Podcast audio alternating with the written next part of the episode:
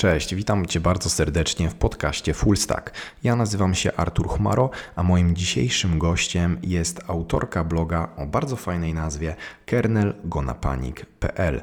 Moja rozmówczyni, czyli Ania Konopka, nie będzie jednak opowiadać Wam o kernelu Linuxa, ale będziemy sobie rozmawiać o tworzeniu mobilnych aplikacji z użyciem JavaScriptu. Będzie także dzisiaj temat ekstra, w którym porozmawiamy o programowaniu bez ego.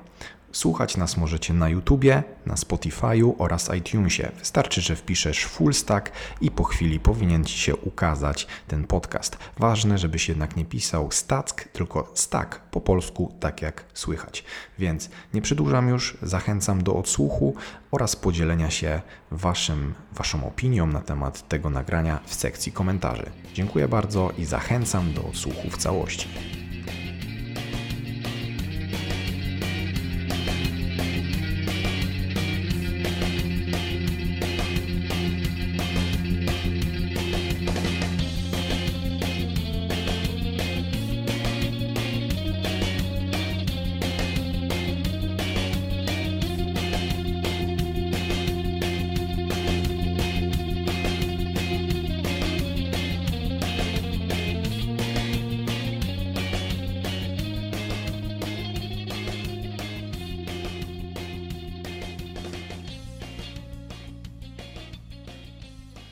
Hej wszystkim.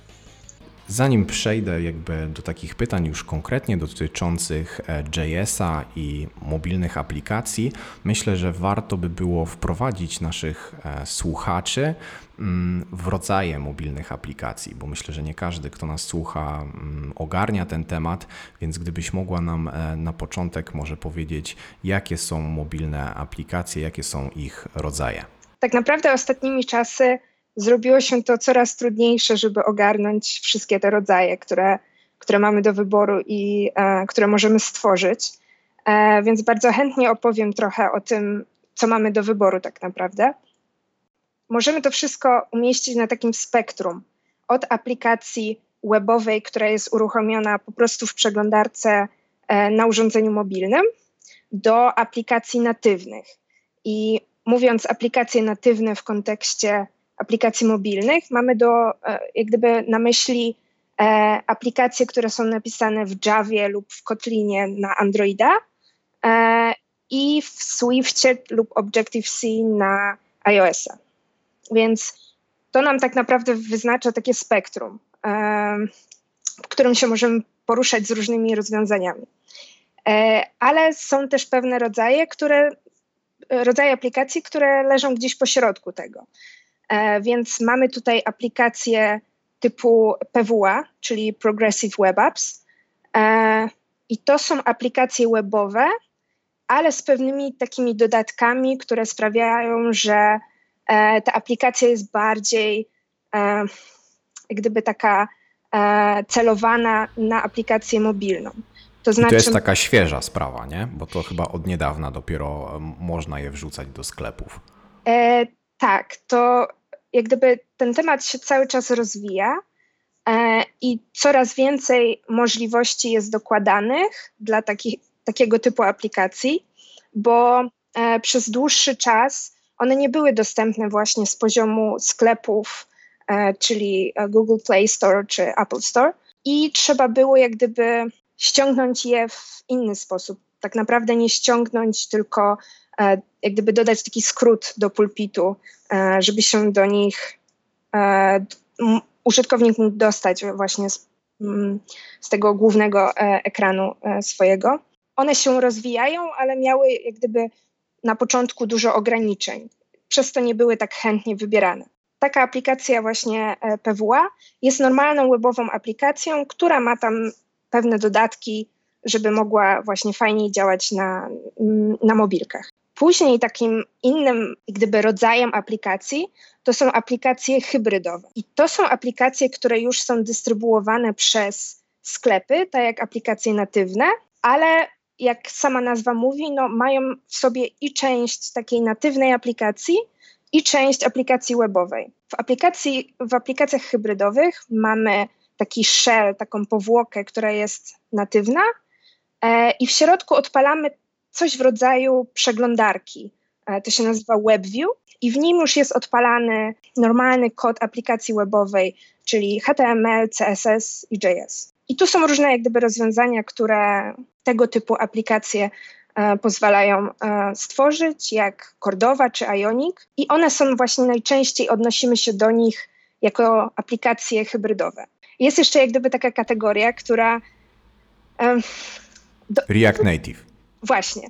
E, Coś jest... pomiędzy natywną a hybrydową, tak? Dokładnie, dokładnie, bo tak naprawdę trudno znaleźć słowo, które tak dobrze to opisze. Najczęściej właśnie najlepiej wydaje mi się odnosić się do tego jako aplikacja w React Native, bo ona, tak, tak jak powiedziałeś, jest czymś pośrodku między aplikacją hybrydową a aplikacją natywną.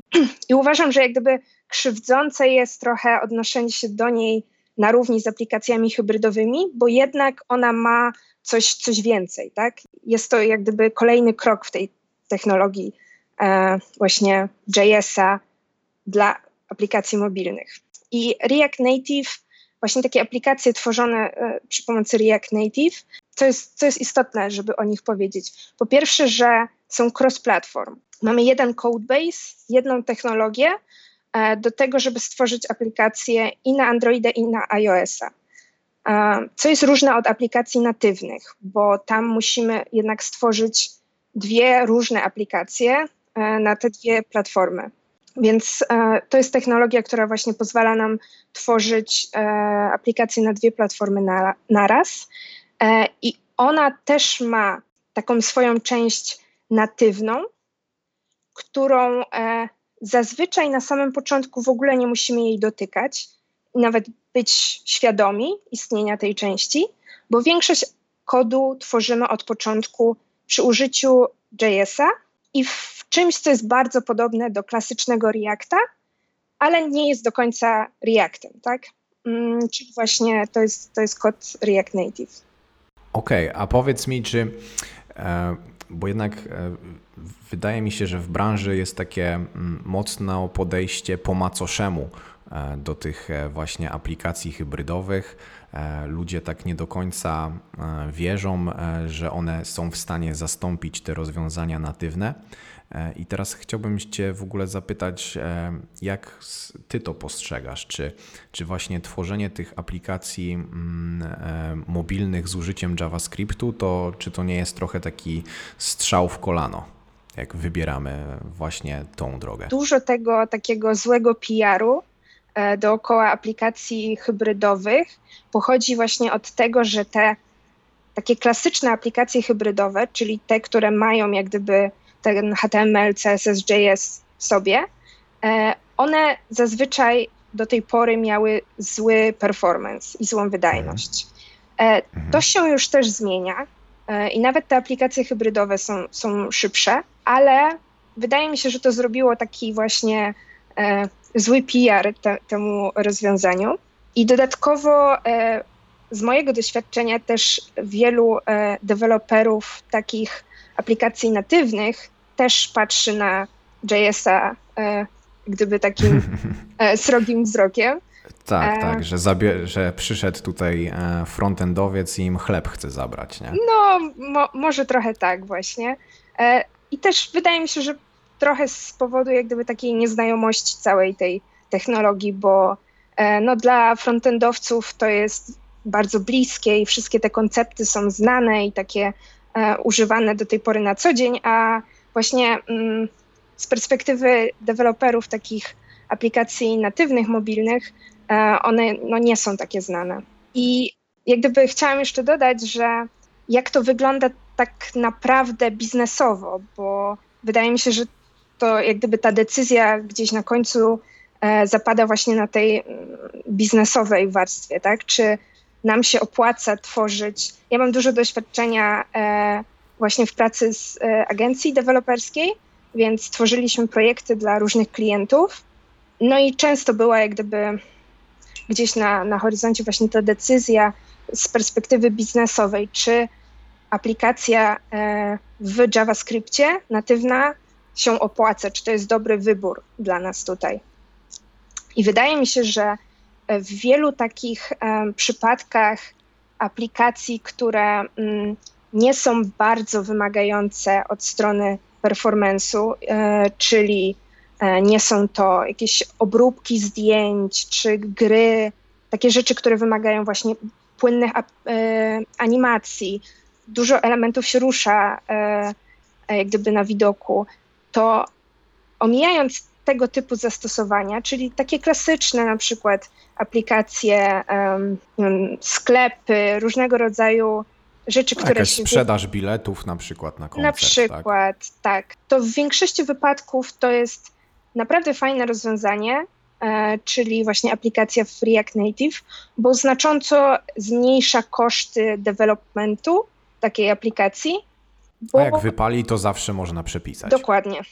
Albo rozszerzyć tak naprawdę, bo mhm. istnieją też jak gdyby mm, na przykład Facebook, który gdzieś korzysta z tej technologii bardzo mocno. Z tego, co mi wiadomo, to w ich aplikacjach pewne części są wprowadzane w React Native, czyli mhm. jest też możliwość łączenia aplikacji takiej natywnej z aplikacją React Native, z fragmentami e, pisanymi w React Native. W każdym razie na pewno widać, że ten React Native się rozwija i daje coraz to lepsze możliwości i super też, że można, tak jak powiedziałaś, e, wplatać go e, w zasadzie do już istniejących projektów. To też na pewno może pomóc właśnie w podjęciu tej takiej biznesowej decyzji. Tak, chociaż wydaje mi się, że mm, firmy, które już mają aplikacje e, natywne w Androidzie i w iOSie, im jest trochę dalej do takiej decyzji niż na przykład biznesom, które e, są startupami, zaczynają coś, e, nie są pewni do końca, że to jest dokładnie to, co powinni zrobić ta aplikacja. Więc React Native daje dużą swobodę, jak gdyby tutaj tego developmentu. E, łatwiej jest nam iść szybko do przodu, więc startupy to mm, myślę, że jest taka grupa która bardzo korzysta właśnie z tego typu technologii. Żeby nie było tak kolorowo, że React Native e, i ogólnie aplikacje pisane z użyciem e, JavaScriptu to jest zawsze dobre rozwiązanie, to może gdybyś mogła się podzielić z nami na przykład problemami, które napotkałaś na swojej drodze w trakcie tworzenia takich aplikacji? Takim jednym z problemów wydaje mi się, że jest ten system, przynajmniej kiedy ja tak bardzo jak gdyby e, mocno w tym siedziałam i byłam zaangażowana, e, to to, że ten system jeszcze miejscami nie jest do końca e, dojrzały i brakuje pewnych takich rozwiązań, które byłyby dobrze przyjęte i używane przez całe community. Dobrze znanym, wydaje mi się, przykładem odnośnie React Native jest problem z bibliotekami do nawigacji, ponieważ jest wiele rozwiązań, zarówno korzystających z takiej natywnej nawigacji, jak i próbujących odtworzyć ją po stronie JavaScriptu, ale żadne z nich nie jest, a przynajmniej nie było takim czymś, co można powiedzieć, że to jest takie rozwiązanie dobre już, e, które możemy po prostu spokojnie sobie używać. Tak? Każdy miał jakieś problemy. Więc to świadczy o tym, że jak gdyby React Native nadal cały czas się rozwija, no i czasami można natknąć się na jakiś właśnie taki problem związany z tym, że, e, no, że jeszcze ktoś tego tak dobrze nie napisał, tak? Mm-hmm, jakiegoś mm-hmm. rozwiązania. Kolejną taką rzeczą, o, która mi przychodzi na myśl, jest to, że mimo tego, że ta aplikacja w większości zazwyczaj um, będzie stworzona przy pomocy JavaScriptu, czyli takiej, no jak gdyby technologii, która dla frontendowców jest e, znana i nie ma z nią problemów. E, I przez to, jak gdyby bardzo często frontendowcy będą ją właśnie przy użyciu React Native pisać, to są takie momenty, w których jednak, by zrealizować tą funkcjonalność, którą chcemy uzyskać, potrzebujemy napisać kod natywny. E, mhm. Ponieważ aplikacje w React Native e, umożliwiają nam, żeby dobrze manipulować takimi systemowymi API, mm, napisanie swoich modułów, które mają część natywną i część w JS-ie i możemy się między nimi komunikować. Mhm. I jak gdyby to jest często wyzwanie, ponieważ dla osób, które no, pracują na co dzień w JavaScriptie, konieczność napisania e, na przykład części kodu w Kotlinie i części w Swiftie, ponieważ no, musimy jak gdyby przygotować ten kod na obie platformy, może być dużym wyzwaniem, żeby, żeby to zrobić. Czyli już e, w tego typu sytuacjach, kiedy potrzebujemy trochę tego natywnego kodu, no to już najprawdopodobniej trzeba się posiłkować pomocą kogoś z zespołu albo z zewnątrz, kto ma wiedzę dotyczącą e, Swifta czy, czy tam e, Kotlina, czy to bardziej jest na tyle, nazwijmy to, e, przystępne, że nawet ktoś, kto nie ma styczności z tymi językami, jest w stanie coś tam sobie dopisać? Znaczy, szczęściem jest to, że bardzo dużo takich modułów już jest udostępnionych open source. Czyli mhm jest bardzo duże prawdopodobieństwo, że jeżeli coś, e, czegoś potrzebujemy, to może już ktoś to napisał i udostępnił, więc możemy z tego skorzystać.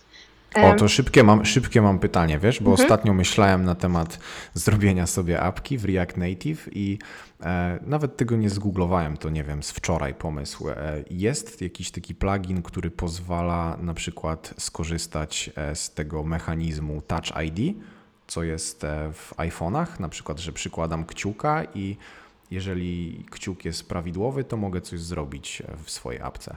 Mm, wiesz co, e, trudno mi jest powiedzieć z głowy, ale właśnie, mhm. e, właśnie to wygooglowałam. Jest e, biblioteka, która się nazywa React Native Touch ID.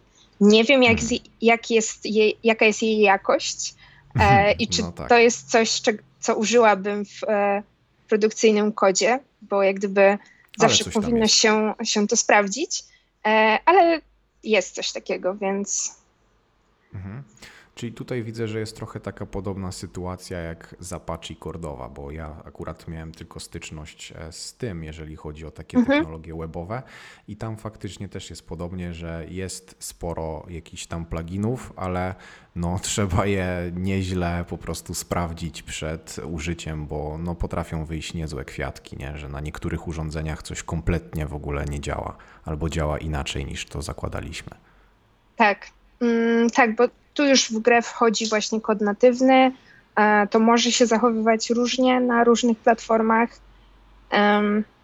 Jeszcze tak wracając do tego, co powiedziałeś, mhm. że konieczne jest szukanie pomocy, e, to wydaje mi się, że czasami tak e, i warto jak gdyby na to jak gdyby tej pomocy poszukać, ale wydaje mi się też, że taki ambitny frontendowiec, jeżeli mógłby, wiesz, może się posiłkować jakąś wiedzą z internetu, mhm. też dałby radę coś małego. Coś tam się naklepie zawsze. Tak, e, zrobić. Ale to jak gdyby też przy, przywodzi mi na myśl coś takiego, co ja odkryłam, jak gdyby przy tej mojej przygodzie z, z React Native i, i, i technologiami mobilnymi, e, to to, że frontendowcy i ogólnie e, osoby, które no, piszą dla, dla weba różne rzeczy, e, często nie tyle mają problem z technologią, bo jak gdyby JavaScript jest im bliski, co e, ze zrozumieniem problemów, które występują w aplikacjach mobilnych.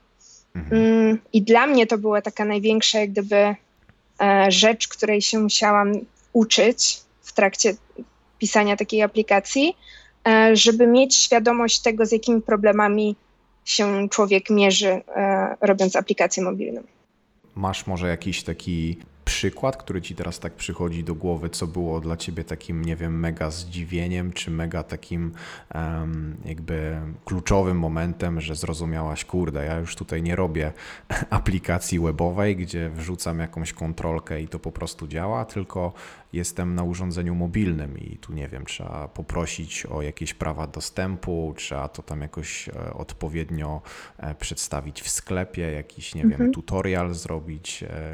E, pamiętasz taki moment?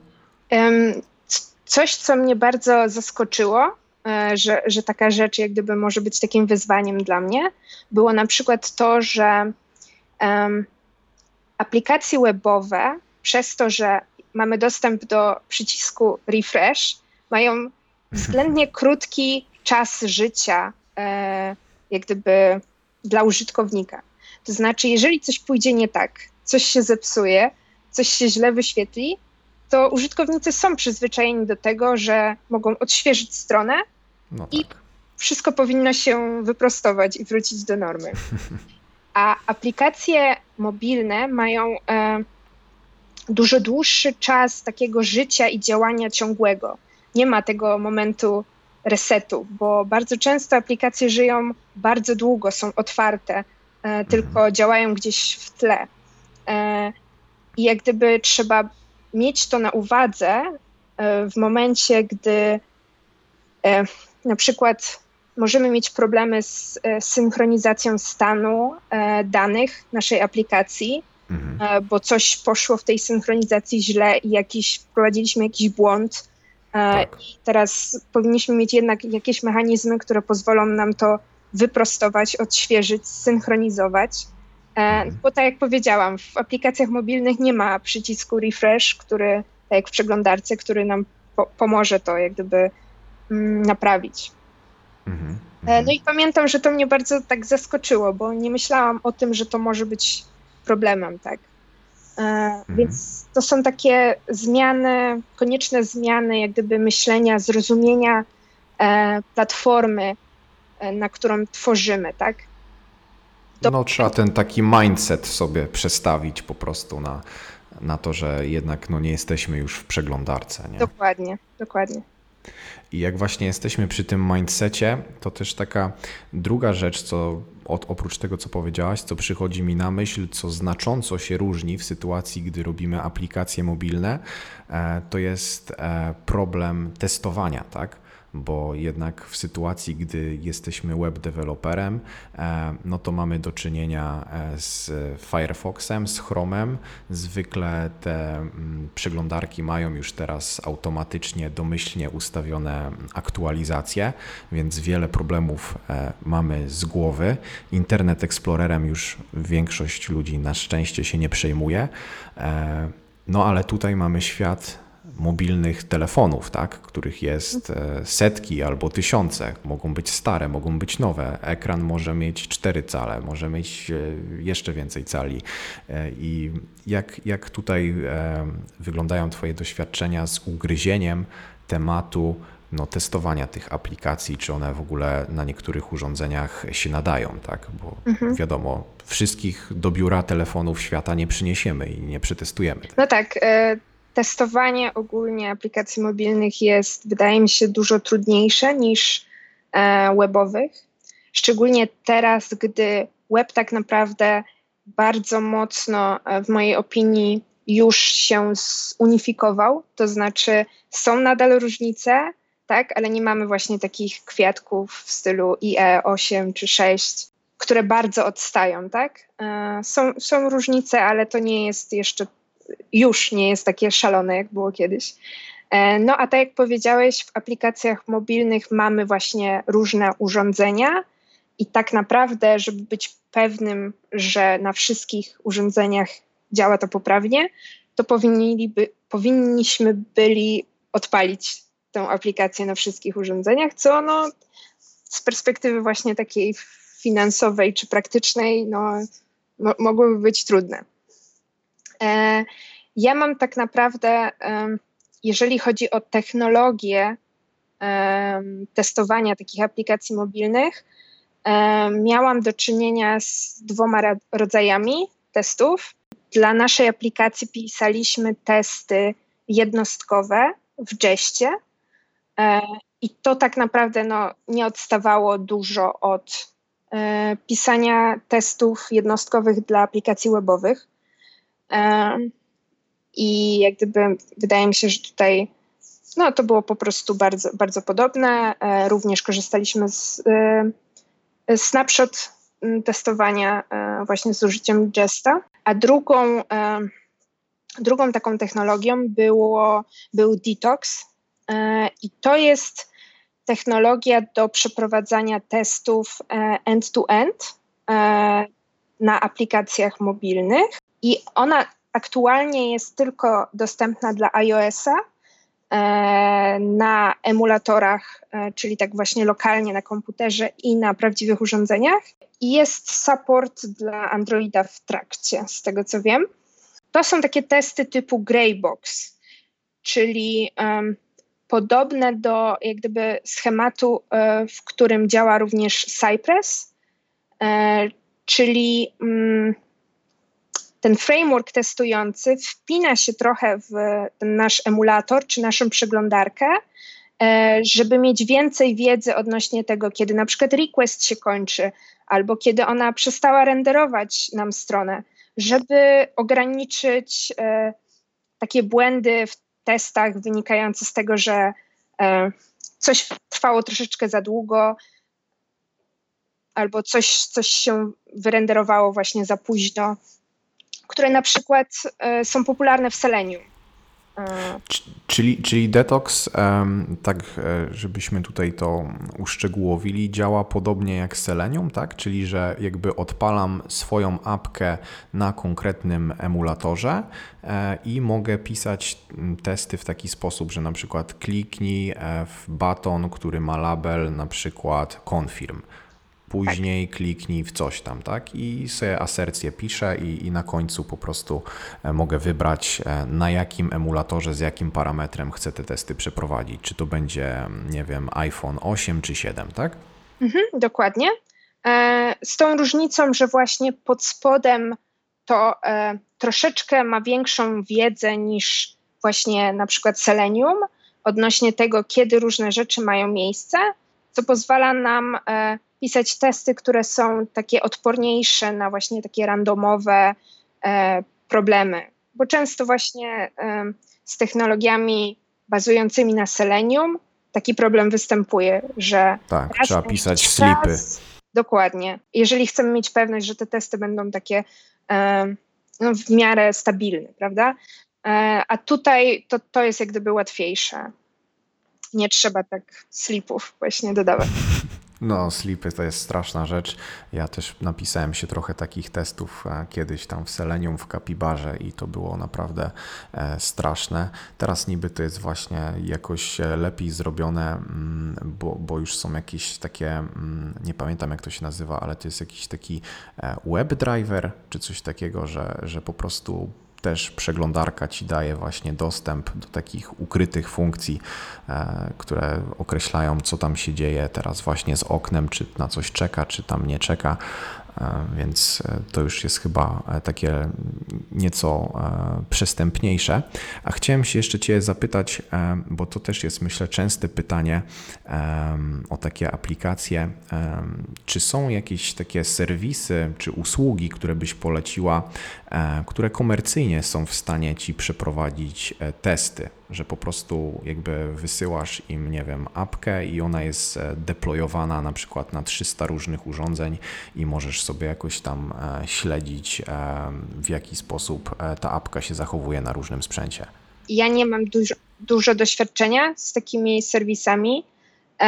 Jak gdyby z naszej obserwacji takie testowanie w chmurze przede wszystkim jest całkiem drogie My e, sprawdzaliśmy rozwiązanie bodajże na Circle, na Circle CI, tylko e, tam wchodzi w grę to, że musi e, maszyna, która przeprowadza te testy, musi być maszyną z iOS-em, żeby móc, to jest ogólnie problem właśnie dewelopowania React Native i na mm, sprzęty Apple'a, bo musimy mieć maszynę E, z mhm. iOS-em, żeby to zrobić. Tak, bo oni e, się nie zgodzili na wrzucenie tego chyba tam e, na wirtualne maszyny, nie? No, nie ma możliwości takiego, takiego legalnego i w pełni e, dobrego sposobu na to, żeby poza takimi właśnie środowiskami dewelopować e, tego typu aplikacje. E, no, więc ta opcja na Circle CI gdzie, gdzie to sprawdzaliśmy, była już znacznie droższa, żeby, żeby to zrobić. E, I też jak gdyby e, tam się płaci od czasu, przez który te testy są odpalane, e, więc no, to też jest duży nakład, jeżeli jeszcze chcemy różne, um, różne właśnie urządzenia przetestować, to, to sporo tego wychodzi. Mm, więc ja nie mam więcej doświadczenia z tym, e, bo nie mam ogólnie doświadczeń z automatyzacją e, tego procesu wypuszczania apki i budowania jej w chmurze, chociaż wiem, że jest to dostępne. E, I jeżeli już jesteśmy na takim etapie, gdzie to nam się opłaca i już ta aplikacja nasza jest bardziej zaawansowana, częściej ją wypuszczamy, to myślę, że to jest fajna rzecz żeby ją jak gdyby zautomatyzować ten cały proces um, jej dostarczania do, do sklepów. Mhm, mhm, super. Zanim przejdziemy do drugiego tematu, z którym chciałem e, dzisiaj tobą, z Tobą poruszyć, e, to jeszcze takie szybkie pytanko. E, załóżmy, że ktoś nas teraz słucha i ktoś zapragnął tworzyć aplikację z użyciem JS-a, to co byś radziła takiej osobie? Gdzie byś ją skierowała? Od czego powinniśmy zacząć, jeżeli chcemy e, zrobić mobilną apkę z użyciem JS-a? To wydaje mi się, że po prostu w kierunku e, strony React Native. Mamy tam do dyspozycji tutoriale, jak zacząć. Przede wszystkim wydaje mi się nie bać się tego, bo to jest naprawdę bardzo zbliżone do tego. Jeżeli ktoś ma doświadczenie z Reactem, to naprawdę będzie mu bardzo łatwo zacząć. A jak ktoś nie ma doświadczenia za dużego w Reakcie, to trochę za głęboka woda, czy e, warto spróbować? Wydaje mi się, że warto spróbować. Ja, e, jak gdyby zaczynając właśnie z React Native, e, stwierdziłam, że chciałabym też spróbować trochę mieć natywnego doświadczenia, żeby rozumieć pewne rzeczy bardziej. E, I zaczęłam swoją przygodę z pisaniem i programowaniem e, Androida natywnie w Kotlinie czy w Javie. I dla mnie to było naprawdę dużo trudniejsze do zrozumienia tych konceptów, które tam się pojawiają, niż, niż React Native. Więc polecasz, można, można zacząć sobie, nawet jeżeli się nie ma jakiegoś mega doświadczenia w, jako React developer, to można zerknąć i coś tam spróbować sobie po prostu zakodzić. Mhm. Również tak teraz mi się przypomniało i wydaje mi się, że warto o tym powiedzieć. E, w momencie, kiedy mm, dla Reacta mamy coś takiego jak Create React App, czyli mhm. taki um, taką, starter łatwy tak, taki starter, taką bibliotekę, która pozwala nam wygenerować ten podstawowy e, projekt, to tak samo e, jest coś takiego dla React Native. Jest Create React Native App. Mhm, e, więc to może być coś, e, od czego warto zacząć. Mhm. Podlinkujemy mm. to pod, pod nagraniem. Mhm. Jest jeszcze coś takiego jak Expo.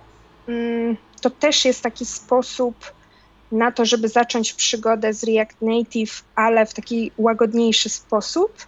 Nie miałam dużo doświadczeń z Expo, ale wiem, że dużo osób od tego zaczynało. No i to też jest taki sposób na to, żeby łatwiej właśnie zacząć. Mm -hmm. Get started in minutes. Okej, okay, okej, okay. to też e, wrzucimy link e, do tego. E, a teraz chciałbym przejść do drugiego tematu. Widziałem, że na Facebooku założyłaś grupę Egoless Programmers. I powiedz nam może, co to za grupa i co tam się dzieje. Założyłam tę grupę z takiego mojego wewnętrznego jak gdyby pragnienia, ponieważ zdałam sobie sprawę, że na Facebooku. Ja sama należę do dużej ilości grup, właśnie takich dla programistów, e, które zajmują się takimi technicznymi e, problemami, które nam się pojawiają w momencie, kiedy pracujemy właśnie z kodem. E, I gdzie dużo ludzi szuka rozwiązań na takie techniczne pytania. Mm, ale nie, nie widziałam, nie znalazłam takiej przestrzeni, w której można, można by zająć się tą częścią taką niezwiązaną z kodem, a która jest jednak nadal częścią zawodu programisty, czyli e, tematami związanymi z pracą w grupie, komunikacją, e, jakimiś takimi liderskimi umiejętnościami, e, z takimi tematami, którymi właśnie mierzą się e, tech lidzi, czy, e, czyli lider, te, tacy liderzy techniczni czy właśnie osoby, które zarządzają w IT. I postanowiłam, że, że warto by było stworzyć takie miejsce, w którym e, mogliby się wszyscy wymienić swoimi doświadczeniami, e, zapytać, gdy mają problem jakiś dotyczący tego tematu, no i ogólnie uczyć się od siebie nawzajem. Mhm, czyli jest to taka e, grupa e, skierowana do programistów, programistek, ale bardziej e, nastawiona na takie rozwijanie się w stronę tych takich miękkich umiejętności, tak? Dokładnie. Bo na początek, jak, jak zobaczyłem tą grupę, no to pierwsze, co mi przyszło na myśl, że to jest po prostu nawiązanie do jakichś takich zasad, którymi powinien się ktoś kierować i może wtedy o sobie powiedzieć, e, że jestem ego-less programerem, tak? jeżeli mhm. wyznaję jakieś e, zasady. I czy tu byś e, może wskazała jakieś takie elementy, które, nie wiem, w Twoim przekonaniu są na przykład najważniejsze, żeby mm, jakby zastanowić się nad tym i wdrożyć to do swojej codziennej pracy, żeby po prostu wszystkim się pracowało lepiej? Powodem, dla, dla którego nazwałam tę grupę w ten sposób, jest to, że e, czuję, że właśnie osoby, które e, rozwijają swoje umiejętności miękkie, które stają się właśnie lepszymi programistami, mając te umiejętności, e, są bardzo bliskie temu właśnie duchowi e, takiego programowania bez ego e, w którym zawiera się na przykład szacunek dla innych osób, dla ich opinii, pomysłów, e, takie nie, prace w duchu współpracy z innymi, czyli nie mm, siedzenie samemu nad swoją klawiaturą i e, pozostanie właśnie takim e, gdyby informatykiem z żartów e, i stereotypów, e, więc gdyby to, to, to nie jest to też na przykład tak du dużej ilości e, takiej świadomości siebie i, e, i właśnie umiejętności takich e, miękkich pod, potrzebne jest, by e, pozostać pokornym e, w, jak gdyby w tej naszej pracy, e, nie przywiązywać się do, do tego naszego kodu, traktować go jako takie coś osobnego od nas, nie brać jak gdyby uwag w stosunku do niego personalnie. Więc jak gdyby widzę tutaj dużo e, połączeń między tym, mm, tą taką e, teorią tego właśnie programowania w stylu egoless, e, a, a tym, co jak gdyby chciałam osiągnąć, tworząc tą, tą grupę moją. Mhm.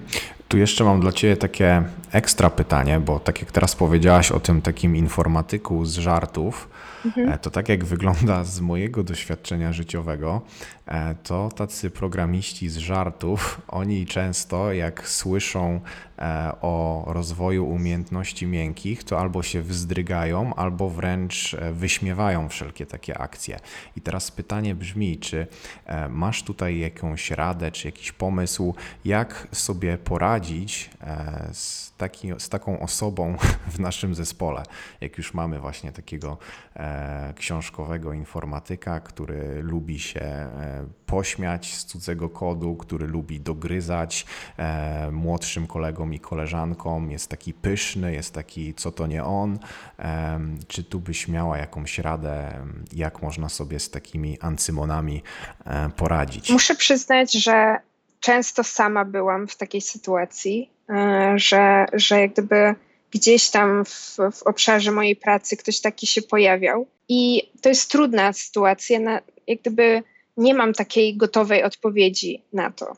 Mm, teraz z mojej perspektywy wydaje mi się, że mm, przede wszystkim powinniśmy się nie bać działać w inny sposób i tak trochę e, przeciwstawiać się, bo często takie osoby tworzą wokół siebie taką atmosferę, która sprzyja temu, żeby zacząć się zachowywać podobnie.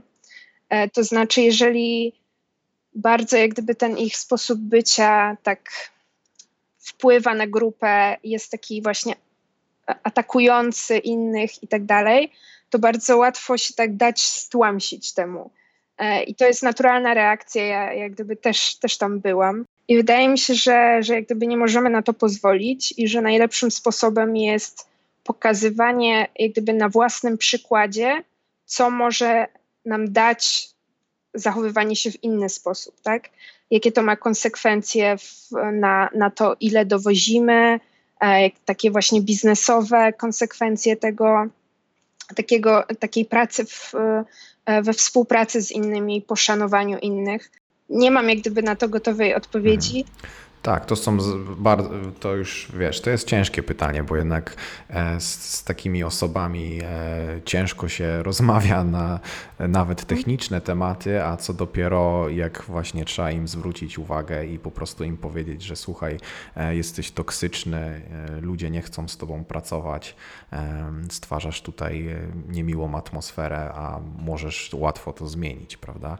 Więc tutaj nie mhm. spodziewałem się takiego remedium które mhm. zadziała w każdym przypadku, ale też byłem ciekaw, e, jak e, właśnie ty e, na to patrzysz.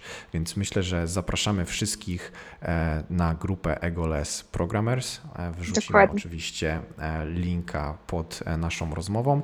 A ja bym cię jeszcze chciał zapytać o książkę, projekt, film, jakąś, nie wiem, prelekcję, która Cię ostatnio zaciekawiła i chciałabyś ją w tym momencie polecić naszym słuchaczom? To jest coś, co, e, z czym się jak gdyby zapoznałam już trochę całkiem, sporo czasu temu, e, ale wydaje mi się, że to jest coś, co w ostatnim czasie najbardziej jak gdyby wpłynęło na moją pracę e, i wydaje mi się, że chciałabym właśnie tym się, się podzielić z innymi, a jest to książka Kala Newporta, Deep Work, czyli chyba praca głęboka po polsku.